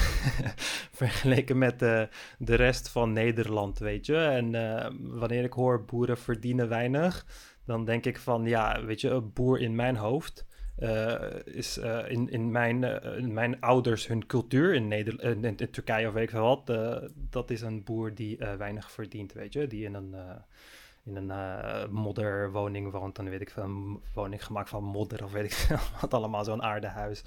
Die uh, boeren hier uh, vind ik niet echt arme boeren of zo, maar ik, ik, ik gun het ze wel om hun leven te behouden. Maar kijk, uiteindelijk moet iedereen wel wat inleveren om verder te komen als, als, als samenleving. Dus ja, ik zou niet op ze stemmen, maar ja. Maar best wel een groot deel van Nederland zit in de landbouw, dat wist ik dus niet. Ja, ja. En dat, dat willen ze dus eigenlijk gewoon wegdoen op den duur. Dat er gewoon uiteindelijk niemand meer in de landbouw zit en dat we gewoon alles importeren. Maar vind jij dat nou zo'n goed plan? Dat we... Nee, ik denk ook niet dat we helemaal zullen, zullen stoppen met landbouw. Je, je kan ehm, eh, met minder stikstof kun je ook uh, doen aan, aan, uh, aan landbouw. Hè. Je hebt heel veel verschillende soorten technieken daarvoor. Om ervoor te zorgen dat stikstof niet terechtkomt in, uh, in, in, in, het grond in het water en weet ik veel wat. Uh, dus landbouw zal niet compleet veranderen, verdwijnen. Maar ja, ja maar da daarom, kijk, ze hebben geen andere alternatief op dit punt, op, de, op, dit, op dit vlak, dan het, het proberen te verminderen. Je hebt, er is geen technologische alternatief ervoor. Weet je, ik kan tien theoretische manieren bedenken, maar het zijn allemaal dingen waar we hard aan moeten werken.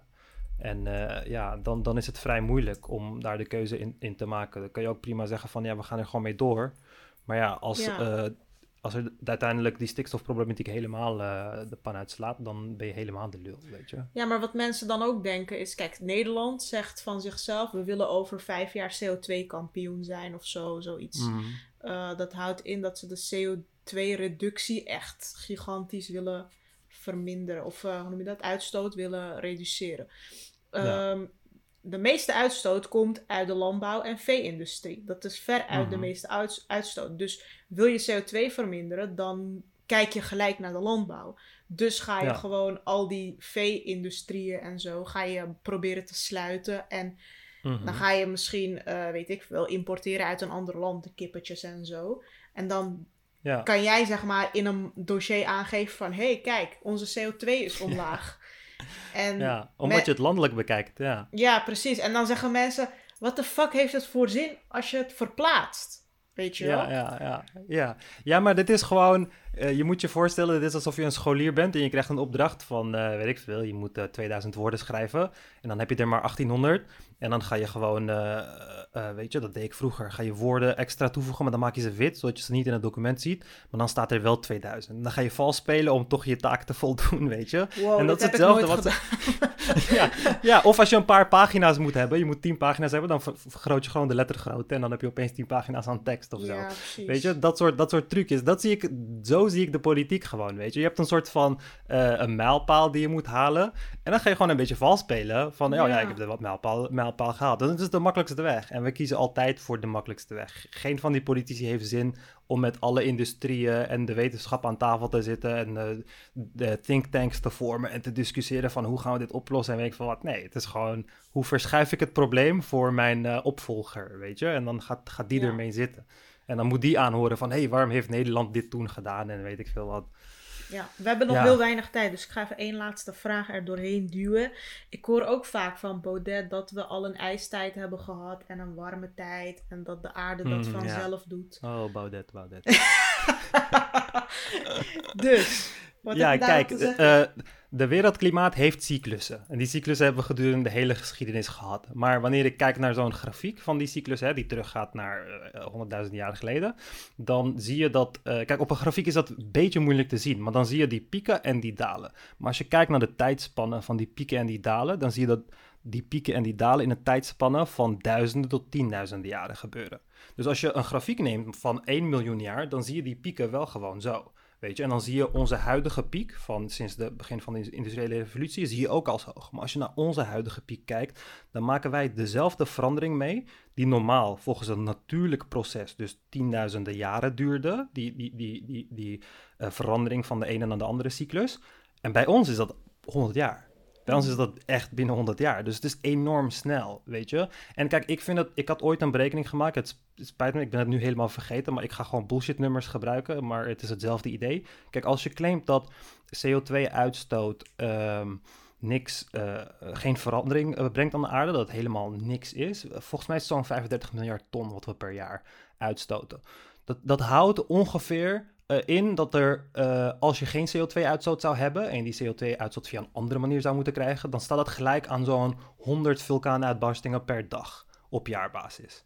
Weet je, het zijn er waarschijnlijk geen 100, het is waarschijnlijk een ander getal, maar heel veel vulkaanuitbarstingen per dag op jaarbasis. Als dat zou gebeuren, zou je dan ook zeggen van, hmm, nee, ik denk niet dat de, de klimaatverandering hierdoor komt, weet je, door al deze vulkanen. Weet je, het is dezelfde CO2-uitstoot. Het komt van onder de grond, uit een, uit een, het voegt CO2 toe aan een gesloten systeem. Maar zodra het de mensen zijn, dan gaan we redenen zoeken. Dan gaan we zoveel mogelijk redenen zoeken. En die redenen komen dus omdat we veranderingen moeten brengen. Of je gaat meer geld betalen, of je gaat door, uh, je gaat veranderingen aan je leefstijl uh, moeten, moeten brengen. Je, je moet inleveren. En dat willen we niet. Dat voelt gewoon kut. Je wilt hetzelfde leven behouden, of je wilt dat het beter wordt. En daarom gaan we gewoon zoveel mogelijk uh, dingen bedenken. Maar ik bedoel, het staat vast.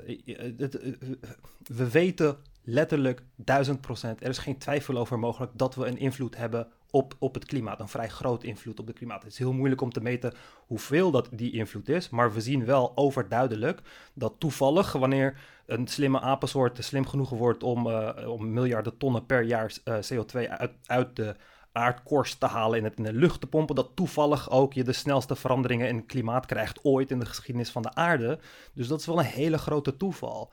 En om het dan aan mensen achter te laten die er het meest aan te verliezen hebben, om te zeggen van, oh ja, nee, het is allemaal bullshit en dan weet ik veel wat. Ja, het is gewoon uh, overduidelijk uh, drogreden, weet je.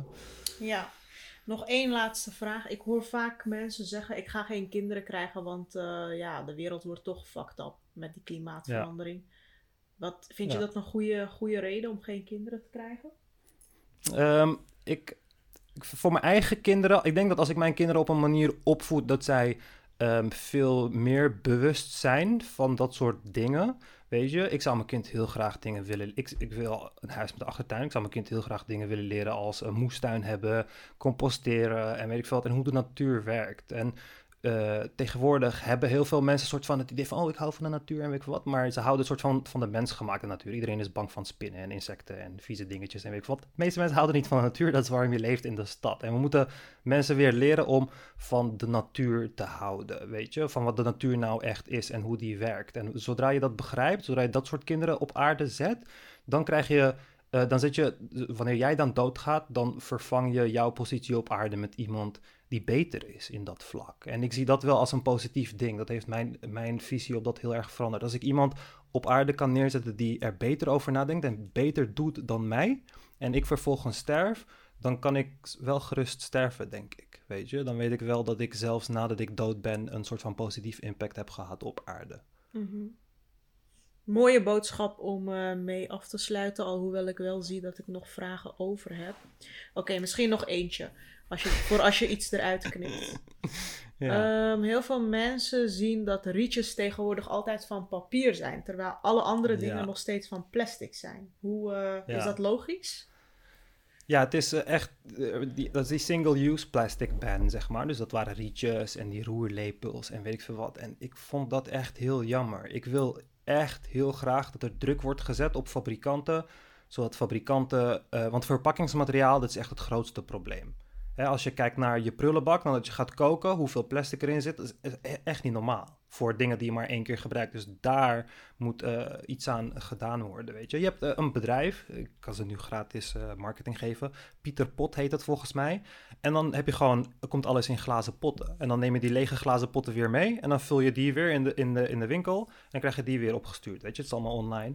Dat zijn hele goede ideeën, dat je de verpakking loslaat. Maar die verpakking is zo'n groot deel van onze, van marketing, zeg maar. Want je onderscheidt je producten met de verpakking. En dat is allemaal kleuren en plastic en weet ik wat. Dus het is heel moeilijk om daarvan uh, af te raken. Maar daar zie ik het veel grotere probleem dan rietjes of weet ik veel wat. Maar het grappige van die rietjes is wel dat, zeg maar, als je een video ziet van een zeeschildpad met een rietje in zijn neus. En dan probeert ze die eruit te halen en dan bloedt het en weet ik veel wat allemaal. En dan zie iedereen van, oh nee, rietjes en dan moet rietjes bennen en weet ik veel wat. Maar als je dan een papieren rietje krijgt, is het opeens van, oh gadverdamme, ik hou niet van hoe het in mijn mond voelt en weet ik veel wat. Dus de drempel voor ons is vrij uh, klein uh, om, om dingen te, te stoppen of niet, niet, niet te stoppen. Maar het is heel belangrijk dat je het focust op, op grotere dingen. Kijk gewoon in je prullenbak. Kijk wat het voornaamste plastic uit bestaat, wat niet gerecycled wordt overduidelijk. Daar ligt het probleem. En je prullenbak zit niet vol met rietjes of, of, uh, of, of roerstaafjes, weet je. Het is gewoon verpakking. Maar ook dat, je kan het nu verbieden. Hoe los je het op op korte termijn? Wat is een goed alternatief? En ja, dat is heel moeilijk. Maar de persoon die dat kraakt, die daar een alternatief op vindt, dat is wel iemand die miljarden waard wordt. Dus het is wel een probleem uh, die het waard is om op te lossen, weet je, economisch gezien en uh, qua natuur. Hé, hey, maar vind je niet dat wij eigenlijk ook ergens hypocriet zijn? Want wij eten bijvoorbeeld allebei vlees. We doen niet zoveel mm. aan. Ik bedoel, we, we, zitten allebei heel vaak in de auto. We vliegen. Uh, mm. Jij gaat ook kinderen nemen, bijvoorbeeld. Misschien ik ook wel, ja. wie weet. En we zijn er niet zo heel erg mee bezig. We gaan ook gewoon naar de Zara. En we eten ja. ook gewoon, uh, weet je, met, uh, met rietjes en plastic en weet ik veel wat. Um, maar jij geeft net wel het voorbeeld van uh, dat het kinderachtig is om, of tenminste dat je wel zelf je afval niet op straat moet gooien. En dat je het niet alleen ja. maar van anderen moet verwachten. Dat je het met z'n allen moet doen. Maar wij doen, het, wij doen er toch ook niet genoeg aan mee? Wij vliegen toch ook nog steeds en zo? Ja, ja, ja 100%. Maar ik denk dat wij wel, dat onze generatie een stuk bewuster is dan de vorige generatie. Hè, kijk, ik weet van mijn, ik weet van uh, dorpen in Turkije bijvoorbeeld, dat afval gewoon werd gedumpt of riolering gewoon werd gedumpt in een, uh, een kreekje, zeg maar. En hetzelfde geldt ook voor Nederland. Kijk, uh, volkeren die vroeger langs de Rijn en grote rivieren woonden in Nederland, die aten voornamelijk zalm omdat die rivieren helder blauw waren en vol zaten met zalm. Weet je, die rivieren die nu groen en bruin zijn en waar je niet eens uh, vijf centimeter in kan kijken. Dus dat hebben we allemaal gedaan omdat we totaal niet nadachten. Omdat we gewoon de poep, de riolering, gewoon letterlijk uh, industriële afval en weet ik veel wat, allemaal de rivieren in, in loodsten. We hadden er helemaal geen, geen, geen besef van. En toen door de generaties heen heeft elke volk heeft soort van meer besef gehad van oké, we kunnen dit niet uitstoten, we kunnen dat niet uitstoten, dat mag niet in de zee, dit mag niet in de rivieren. En elke generatie is ietsje bewuster geworden. En ik denk dat als je er gewoon voor zorgt, het, het hoeft niet groot te zijn, maar als je ervoor zorgt dat je alleen maar ietsje bewuster bent, je hoeft de keuzes niet eens te maken, maar dat je het weet en het soort van doorgeeft aan je kinderen van dit en dit en dit, dan ja, is dat een, een, een verbetering op de, op de lange termijn. En kijk, of mensen nou hypocriet zijn, wij zijn, mensen zijn de hypocrietste wezens op de hele aarde, weet je. We zijn op alle velden hypocriet. Dus om het niet te doen, alleen omdat we hypocriet zijn, eh, vind ik ja, een beetje, een beetje, een beetje lastig. Ik denk dat het wel uh, op de lange termijn, dat wel duidelijk is dat als je naar de geschiedenis kijkt, dat het met elke generatie wel een soort van verbetert. Alleen de druk wordt tegelijkertijd ook opgevoerd, weet je. Ja. Dus uh, ja. Heel interessant gesprek. Ik, uh, ik hou het hierbij, want we zijn alweer uh, anderhalf uur aan het lullen.